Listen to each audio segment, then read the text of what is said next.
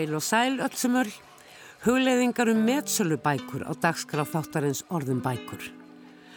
Við ræðum við eigendur bókabeitunar, það er Birgittu Elínu Hassel og Mörtu Hlín Magnúsdóttur sem nýlega sendu frá sér þýðingu sína á nýjustu metsölubók starsta metsöluhöfundar bandaríkjananúum stundir Colleen Hoover. Bókin heitir Verity sem er nafn einnar af personum sögunar. Áður hafðu þær Birgitta og Marta þýtt og gefið út eina af eldri skáldsögum Colleen og þá allra vinsalistu. Þessu líkur hér. Báðar þessar skáldsögur til umræðu hér rétt á eftir sem og æfintýralegar vinsaldir og met sala bóka þessa félagsráðgjafa frá Dallas Colleen Hoover. Í síðara hluta þáttar verður svo rætti Sigþrúði Gunnarsdóttur, forstjóra stærsta bókaútgáfi fyrirtækis landsins, forlagsins, um meðsölubækur almennt á Íslandi og út í heimi. Fyrst Colin Hoover.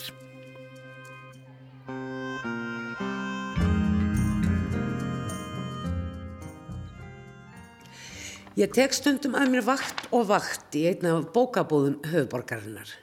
Fyrir stöttu kom viðskiptavinu stormandin í búðina og spurði með eftirvæntingu í svipnum hvort ekki væri til einhverja bækur eftir Colin Hoover. Ég kváði, hafði ekki heyrt þetta höfundanabn áður. Leta þó einhver bera, fletti nafninu upp í sölukerfinu og sagði nokkuð ánað að það væri til tvær bækur eftir Colin Hoover í íslenskri þýðingu. Þessu líkur hér og verið tí. Konan sem spurði bandaði frá sér hendin og sagðist vita það vel. Hún í búin að lesa þessar bækur og nú vildi hún komast í fleiri eftir þennan margfalda metsölu höfund sem hún fjálglega saði mér frá.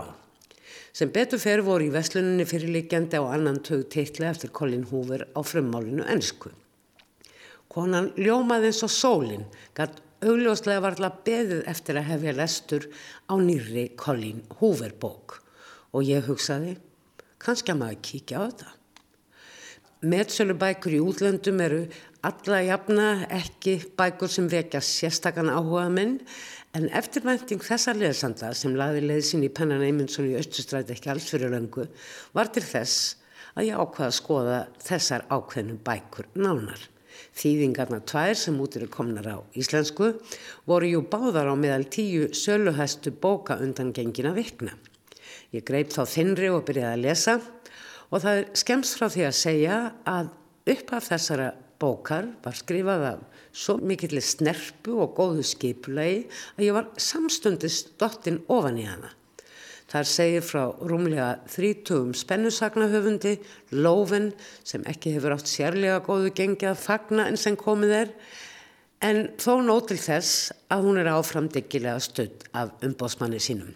Þegar sagan hefst hefur Lófinn einmitt verið bóðuð á mikilvægan fund með honum sem segir henni að miklu peningar séu undir og þar sem Lófinn er í fjárhagskrökkum er hún auðvitað meirinn tilbúin.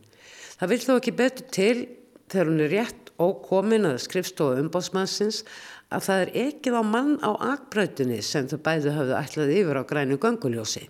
Það er ennur blóð sem að hluta til slettist á fína blússu Lófinn ekki mjög viðegandi að mæta blóðu á mikilvægan fund.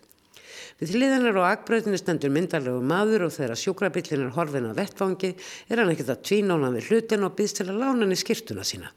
Þau fara hann á kaffihús til að lofun með í skipta og síðan skelljast leiðir. Til þess eins að líka saman skömmu síðar því maðurinn Jeremy er á leiðinni á þennan sama mikilvæga fund þar sem til aðtugunar er hvort Rittöfundurinn Lófin Asley sé til í að ljúka við nokkrar bækur ákveðins bókaflokks sem eiginkona Jeremys meðsöluhöfundurinn Verity hafi verið byrjuð á þegar hún lendi alvarlegu slísi og geti því ekki gert það sjálf. Það er skemst frá því að segja að samningar takast og Lófin flistin á heimili Crawford hjónana til að mega fara í gegnum handritin sem Verity hefur þegar lagt drög af.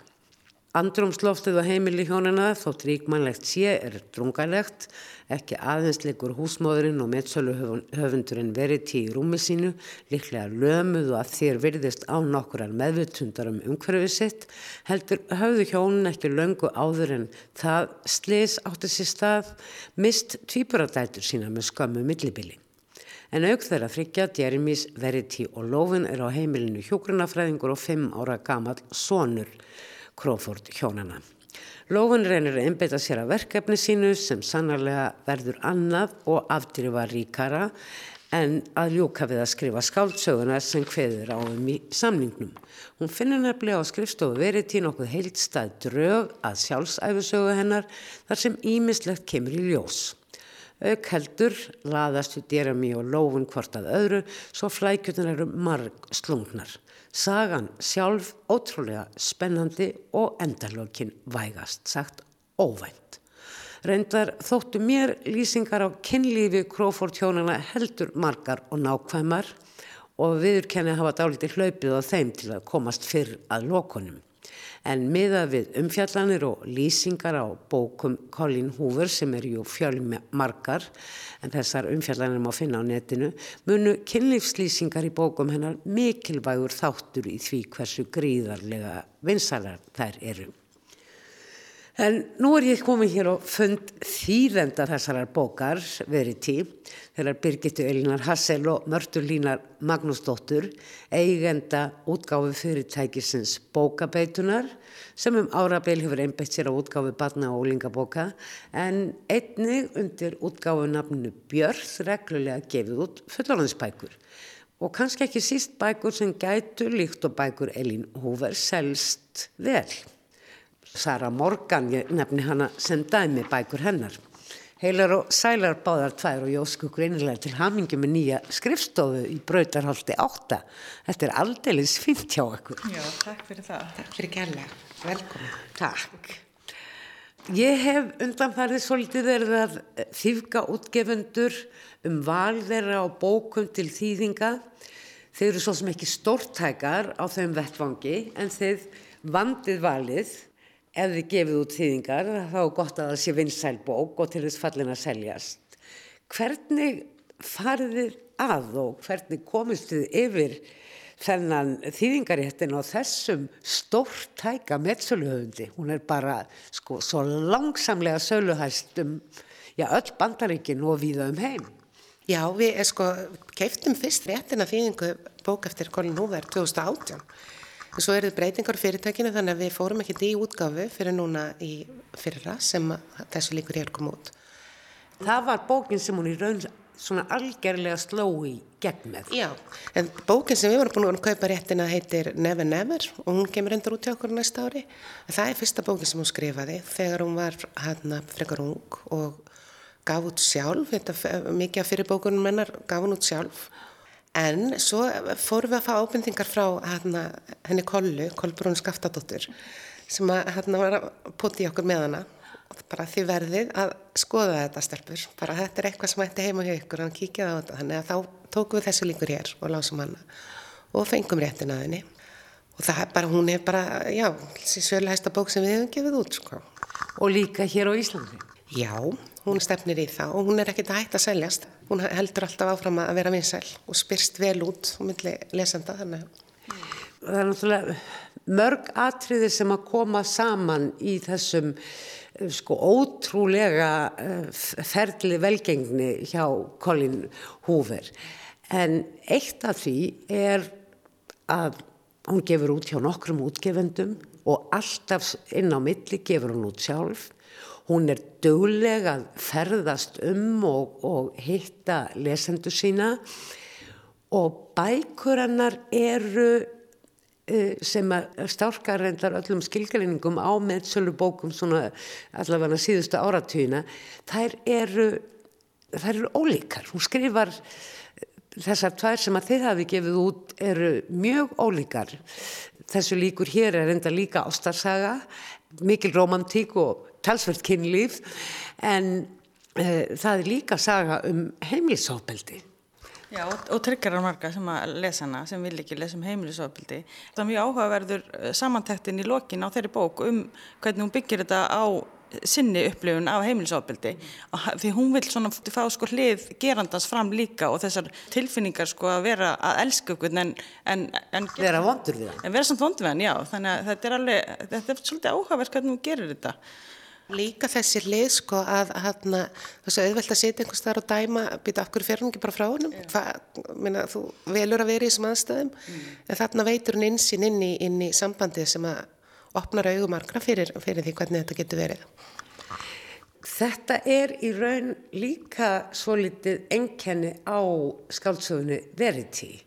Þarna er lítill heimur inn á lokuðu heimili, allir hafa já, gert hræðilega hluti, það var jafnvel átt sér stað morð, en henni tekst að segja þessa sögu, flétta saman sjálfsæfisögu húsmóðurinnar, eh, samskiptum eh, húsbóndans og þessara stúlku eða ungu konu sem er þarna komin inn á heimili til að skrifa bók og litla drengsins þannig að það er aldrei dæmt það er alltaf verið að opna inn í einhvers konar ástæður uh, samspil sem að var til þess að þessi ræðilegu hlutur gerður. Já og þess að nær hún líka einhvern veginn að fletta þetta áfram þannig að hún heldur spennunni allan tíman, maður getur einhvern veginn ekki lagt bókina frá sér þetta og hún er ekki að velja við lýsingar nema náttúrulega kynlífslýsingar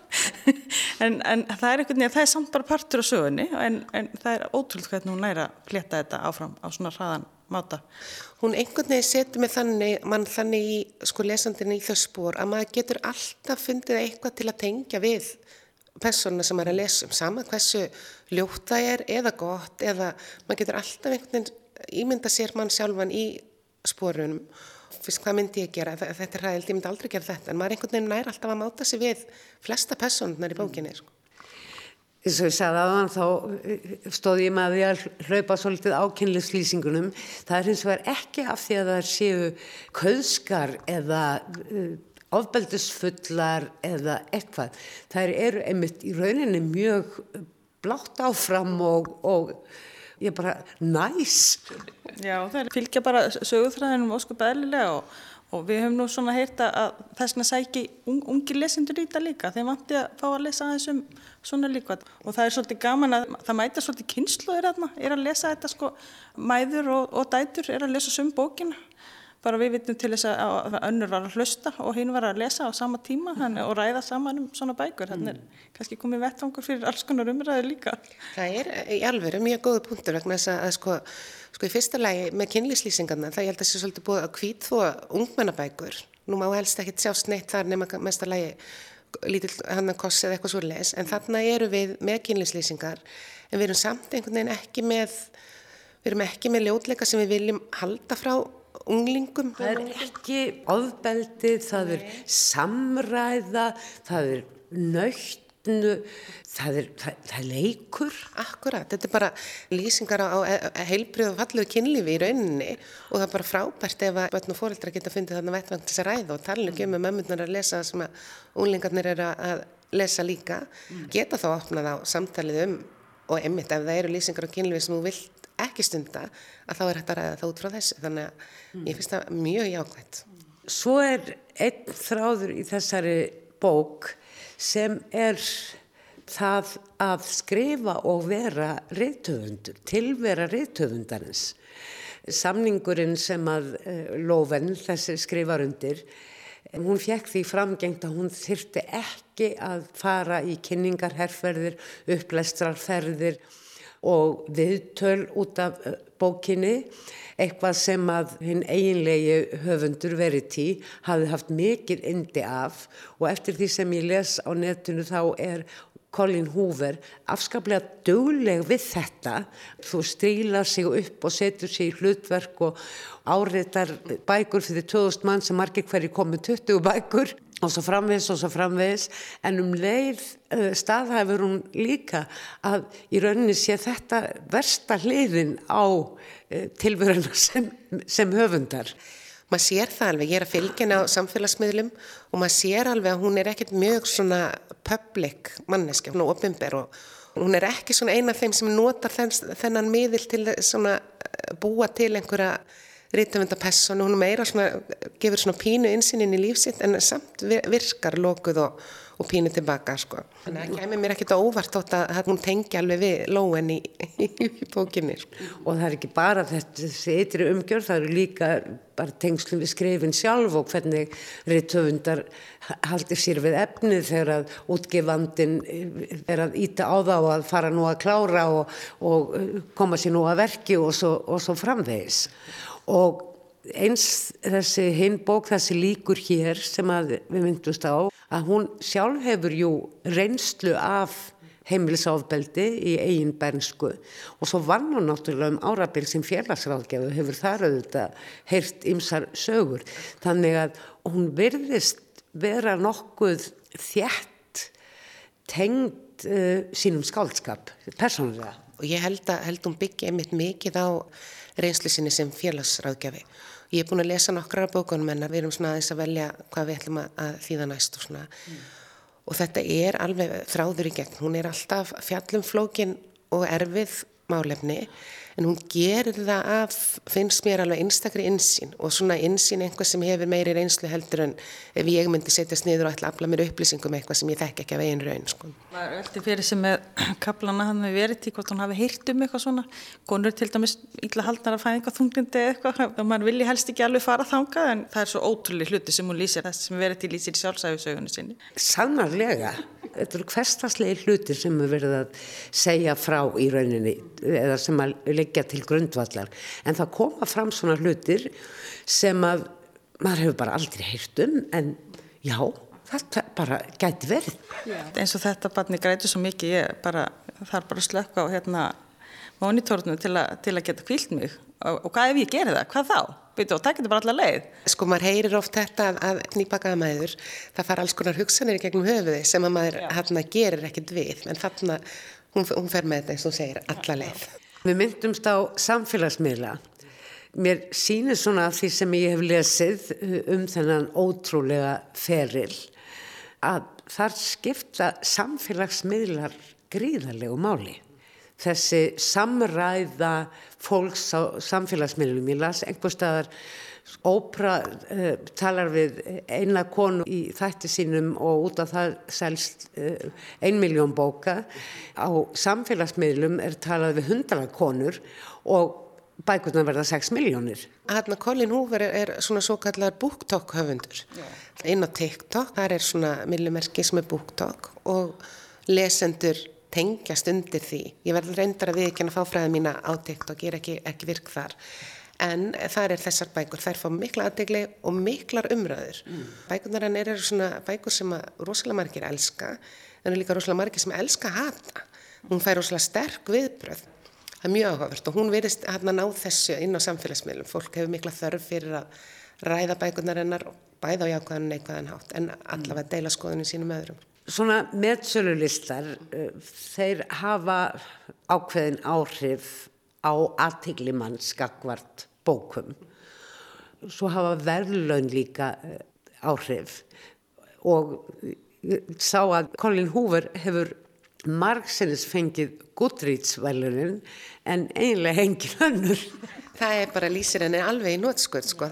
bókmyndafræðilega er hún kannski ekki mjög hann að hún teikar ekki í þau verðlaunabóks en lesendur það, þetta er það sem þeir vilja lesa. Svona verðlaun öll er mjög áhugaverð og í þessu samhengi einmitt sko, hver er munurinn, Hva, mm. hvað eru við að verðlauna sko. en, en það er svo gaman að sjá líka að Erlendis eru bækur að það er allt öðruvísi lesentópar og ungt fólk les öðruvís og í gegnum þetta búktóka þá er unga fólki hér að taka bækur og lesa á ennsku En það var sem sagt ung stúlkan sem saði við okkur, hún, hún var svo glöð að fá þessar þýðingar að því hún á alveg vinkunni sem að vilja ekkert lesa á ennsku. Hún gæti látið að fá þessar bækur, þannig að nú getið ég lesið þetta, þetta koma á íslensku, nú getið við rættið þetta. Mm. Að þetta er bækur sem að þarf að ræða um. Og ég held að það væri fullkomlega eðlilegt að bókmyndafræðin tækir þessar bækur upp á sína arma því að eh, frásagnamátin er einfaldur en hann er áhugaverður. Algjörlega og innihaldsríkur, þannig að það væri einmitt virkilega gaman að sko rýni þessar bækur með bókmyndafræði glerum og skoða hvaða punktar eru og með hvað hún er að vinna. Og það eru fleiri Colin Hoover bækur á leiðinni?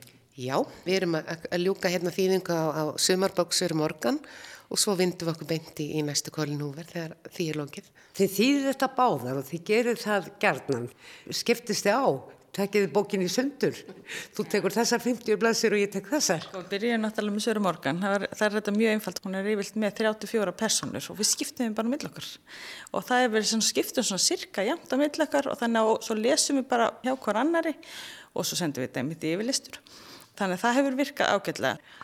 Þau eiga uh, eina setningu sameinlega sem að ég segi ekki hún sé gegnum gangandi en hún kemur fyrir nokkrum sinnum. Og þetta er frekar óvinnileg setning í skáldsögu. Þetta er setningin ég er góður eða ég er góð.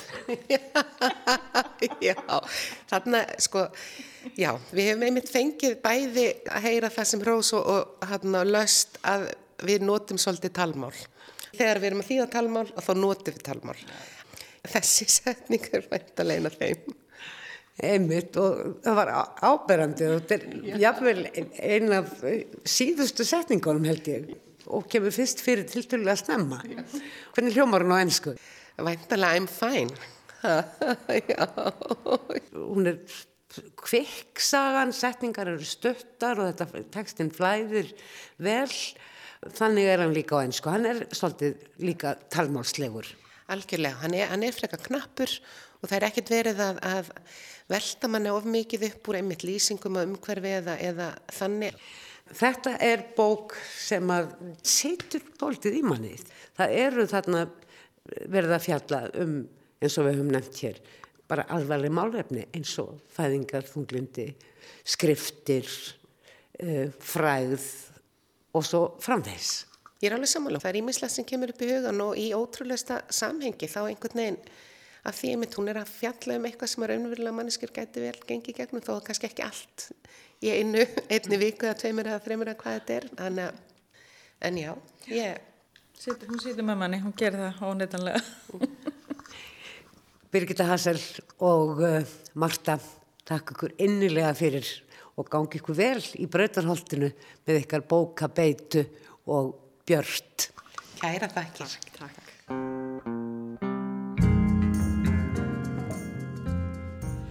Til að fræðast nánar um metsölubækur hér á landi og annar staðar fór ég á fund Sigþrúðar Gunnarsdóttur sem nýlega tók við stjórnatöminum í stærsta bókaforlægi landsins. Forlægið heitir þetta mikla batteri eins og allir vita og samanstendur af nokkrum einingum sem saminuðust á fyrsta áratug þessarar aldar. Þetta eru J.P.V.A.F., Bókaforlag Máls og Menningar, Vaka Helgafell og Yðun. En þessi forlög gefa nú sameinlega út undir merkjum forlagsins vel á annað hundrað nýra bóka eða öllu heldur teitla á ári hverju. Auk þess sem að bækurnar eru líka gefnar út á raf og hljóðbókarformi. Og samkvæmt Wikipedia er markaðs hlutfall forlagsins um 50%.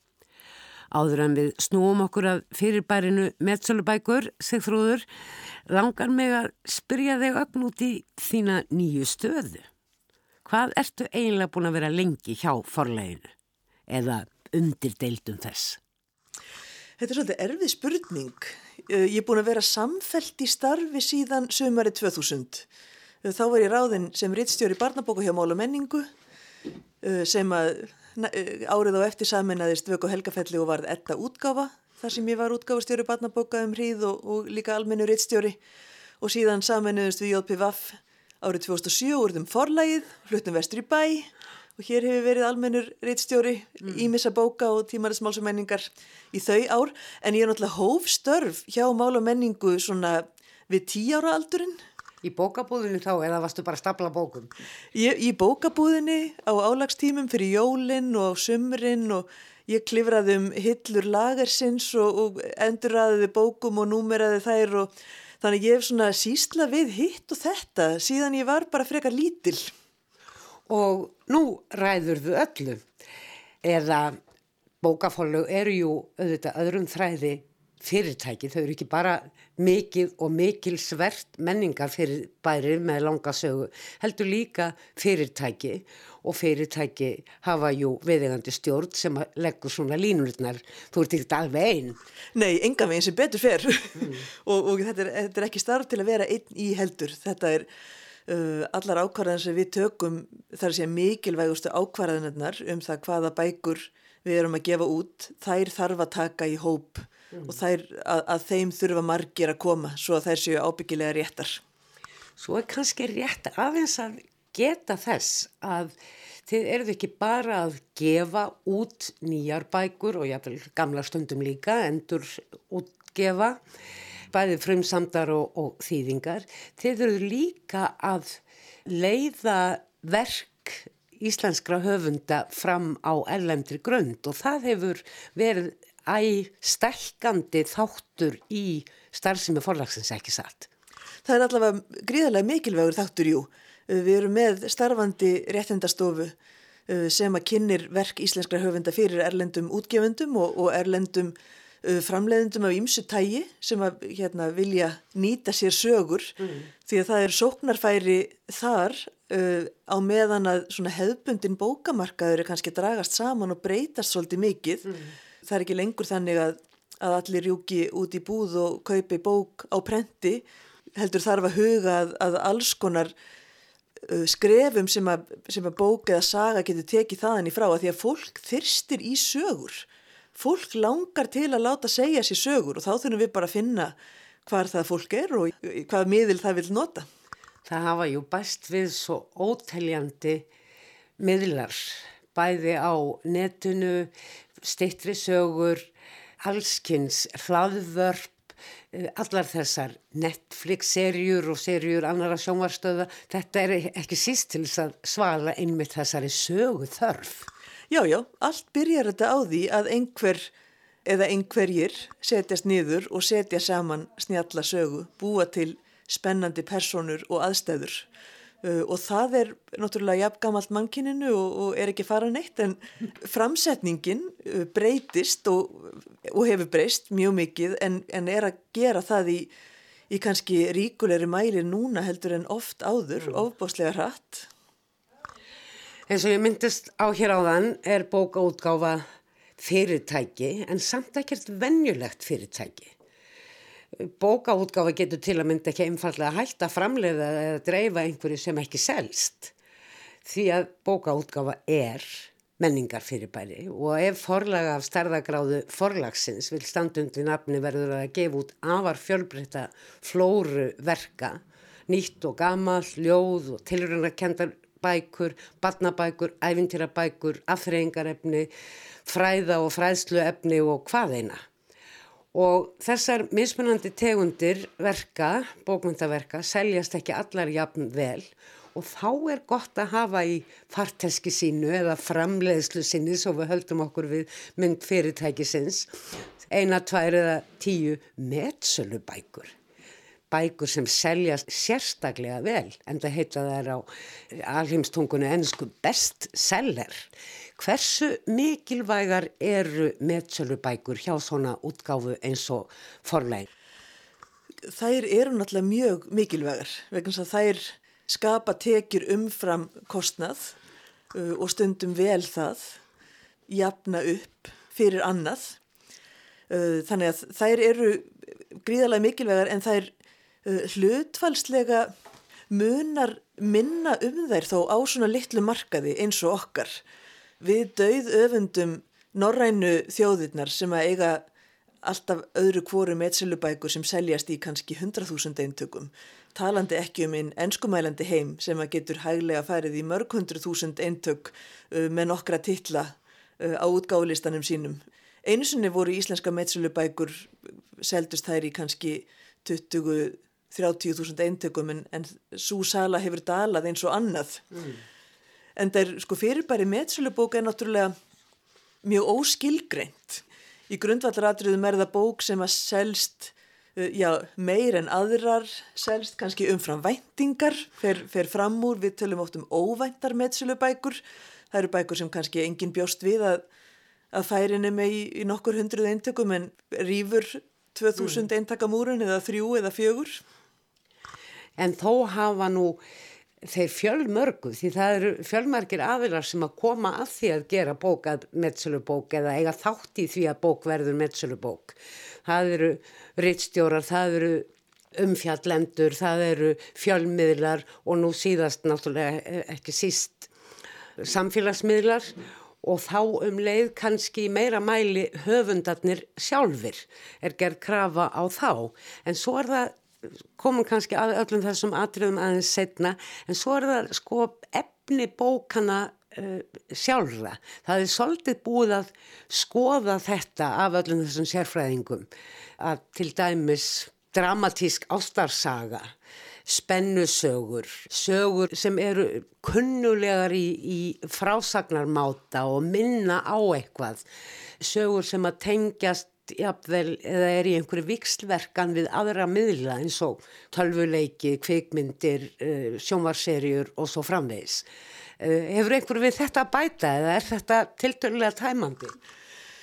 Já, þetta sé ekki nokkur með einn tæmandi. Sko, Metsölubók náttúrulega þarf eðlilega að tala við svolítið breiðan hópa fólki. Hún þarf að falla að smekk margra til að eiga vinsældirnar uh, til að þær séu mögulegar og, og, og ef það tengist einmitt einhverjum sjónvastáttum eða kvikmyndum eða, eða öðru aftreyingarefni þá er líklar en ekki að margir þekki til mm. sem ítur undir sölu og, og náttúrulega bókaflokkar geta gerðnan, bók, sko, bókaflokkar geta farið í tvær áttir, það geta, geta byrjað að ganga vel og svo dalar áhugin en bókaflokkar geta líka undið upp á sig ef að, ef að bókaflokkur verður vinsæl þá getur höfundur haldið áfram að skrifa inn í þann flokk keim líkar bækur mm. stundum uh, og lesendur eru alltaf að tilbúnir en auðvitað megin máli skiptir að bókin af, af einhverjum ástæðum sem eru fjölmarkar og ólíkar uh, bara kveiki á þorsta lesenda til að lesa og til að kaupa. Mm. Það er ju oft er það jú þannig þegar að höfundar hafa skrifað nokkrar bækur þá hreinlega kemur krafa, kannski fyrst verður hann er vart hjá lesendum en útgefendur íta þá jafnvel kannski undir af því að heinar bækurnar seldust vel og svo framvegis.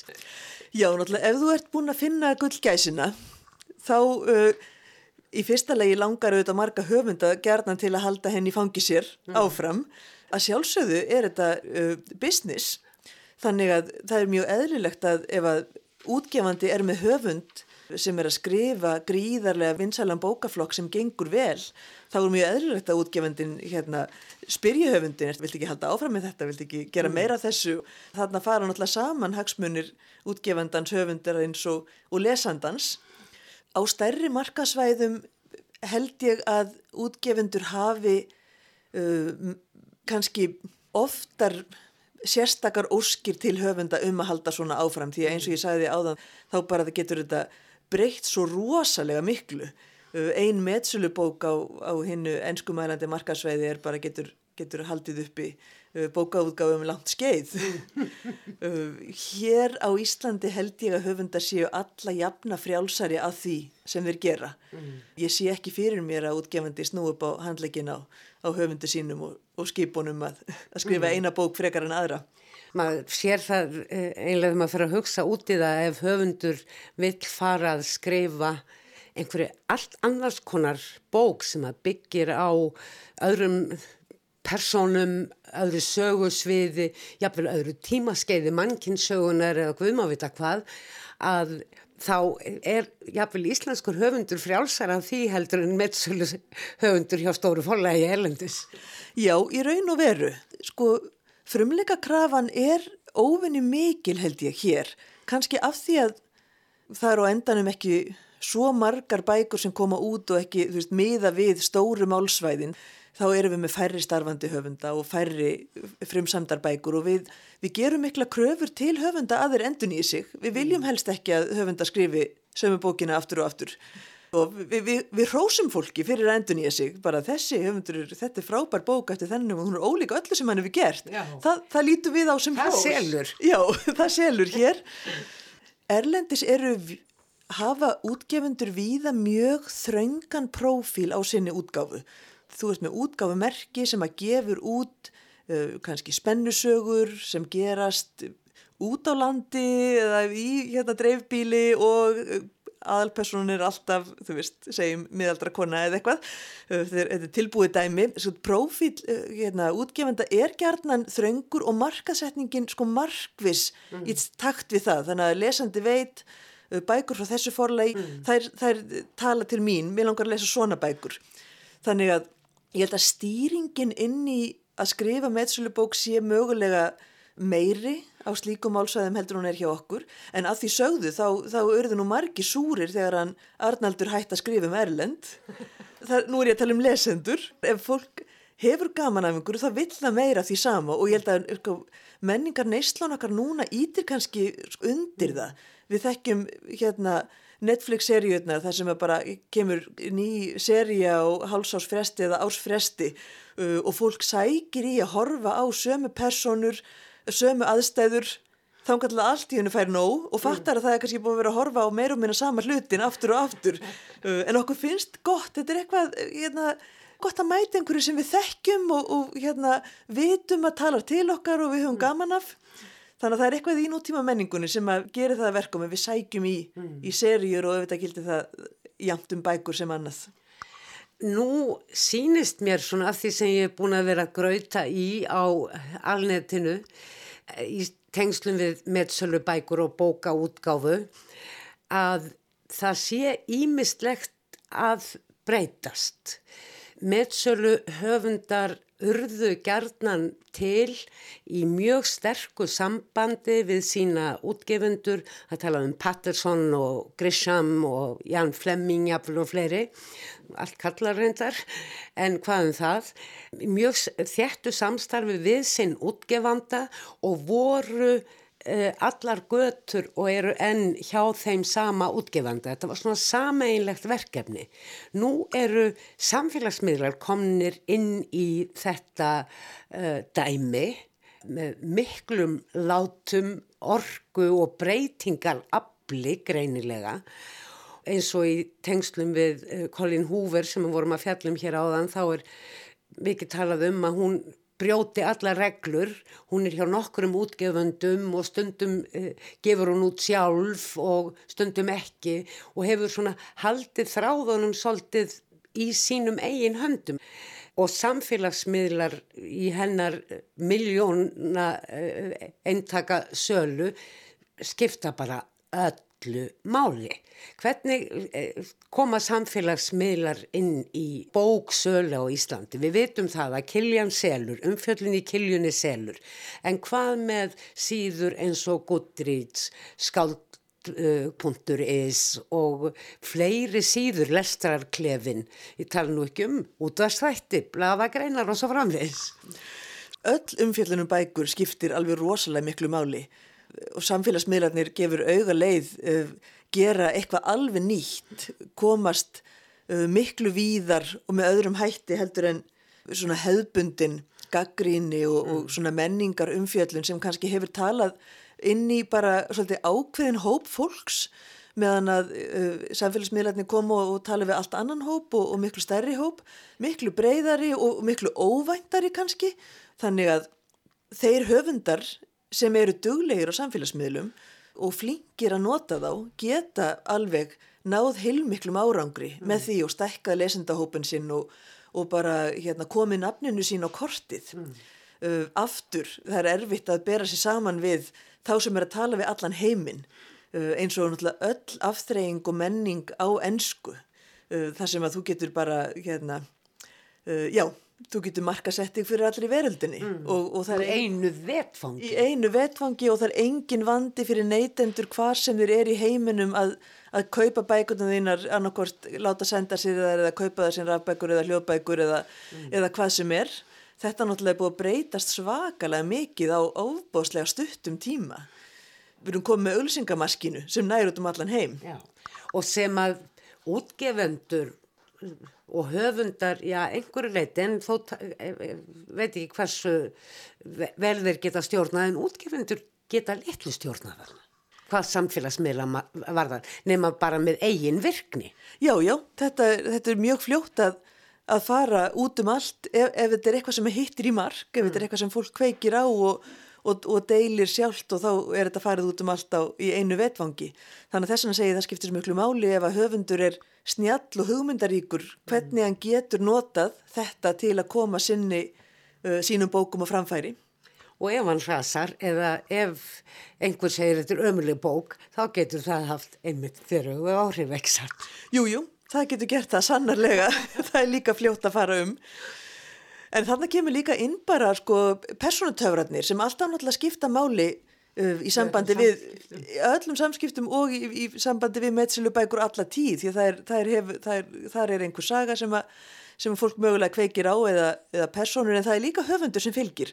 Og höfundurinn er svolítið líkil að meðsölubókinni við hérna, jú sannarlega eru til hérna one hit wonders uh, sem við notum góða íslensku á bókmyndasviðinu en, uh, en við erum þannig og það segja mér bæði starfsfólki í bókaverslunum og bókasöfnum að ef fólki líkar einhver höfundur þá, þá vilja, vill fólk gerðnan prófa að lesa aðra bók eftir þann sama höfund og þessin er Met, metsölu bækur uh, eru sannlega eitt en metsölu höfundar er líka fyrirbæri uh, og þá er það þeir gerðnan vaksandi með tímanum.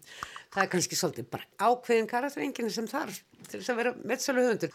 Já, mögulega en svo er það það að það er engin leið að vita hvaða bók verður metsölu bók og engin leið að vita hvaða höfundur getur orðið metsölu höfundur og hafa, þessu hafa allir útgefundur brent sig á að vera algjörlega sannferður um að einhver bók verði meðsölubók mm. og, og róa að því öllum árum. Það er oft talað um að gera eitthvað að meðsölubók. Jú, sannarlega er þetta, það er alls konar aðferðir og við getum fundið fullt af bókum og leðbenningum með það hvernig þú er að gera ákveðna bóka meðsölubók. Það getur allt misefnast þó þú færir algjörlega eftir bókinni því að það þarf einhver alveg sérstaka kemistríu á milli uh, bókar og, og kaupenda. Er það glæpasögurnar sem enn svona ná sætum á eh, meðsölulistónum og, og setja þar sem grein bókmænta. Já, ég myndi segja það. Það er svona svo grein bókmænta sem að flestir lesendur sækja í og kaupa nú um stundir. Kanski af því að margir af þeim sem að lesa og kaupa sér glæpasögur eru bara stór neytendur á bækur, sögur. já, stórnýttindur og sögur. Vilja bara láta segja sér sögur og fá ekki nóg af þeim annar staðar. Við sjáum í minstri þeirra sem er að hlusta á bækur að margir þeirra vilja mjög gerðnan hlusta á ástarsögur eða svona romantískar sögur og sögur sem láta manni líða vel ekki, sem er ekki mikið ógeð í og, og gerðnan með fallegum boðskap eða getur verið nokkuð vissum að þetta endi með, með einhverjum ljúfum hætti. Mm. um, þessar bækur auðvitað seljast líka vel á pappir en, það, en kannski miðlinn hefur sett að segja. Miðlinn hefur sett að segja, já. Uh, þeir sem að hlusta mikið á bækur þeir, þeir hafa úr mikla velja og geta valið sér það sem þá langar mest til að hlusta á Þetta er gríðarlega spennandi bransi af því hann er svo ófyrirsjáanlegur mm. að það, það geta óvæntir hlutir gerst og, og og mað, maður þarf alltaf að vera á tánum með það hvað er rétt að gera akkurat núna, hvað vilja lesendur fá núna, hvað langar þá að lesa, um hvað langar þá að lesa, hvers konar bækur þannig að það er það sem er skemmtilegt við bókabransan. Fjölbreytilegur eins og bækurna sem við lesum. Sannarlega. Kæra þakkir Sigþrúð fyrir að veita okkur svolítið einsýn í þennan, já þetta er ekki frumskóur beinlýnis, það eru þarna ákveðna reglur og, og, og kerfi en þarna er greinilega mikið blómskrúð og margar tegundir trjáa. Alveg enda löst. Fleiri verða orðum bækur ekki að þessu sinni, tæknimaður þessa þáttar var Lítiða Gretastóttir, takk fyrir að hlusta, verði sæl. Bye.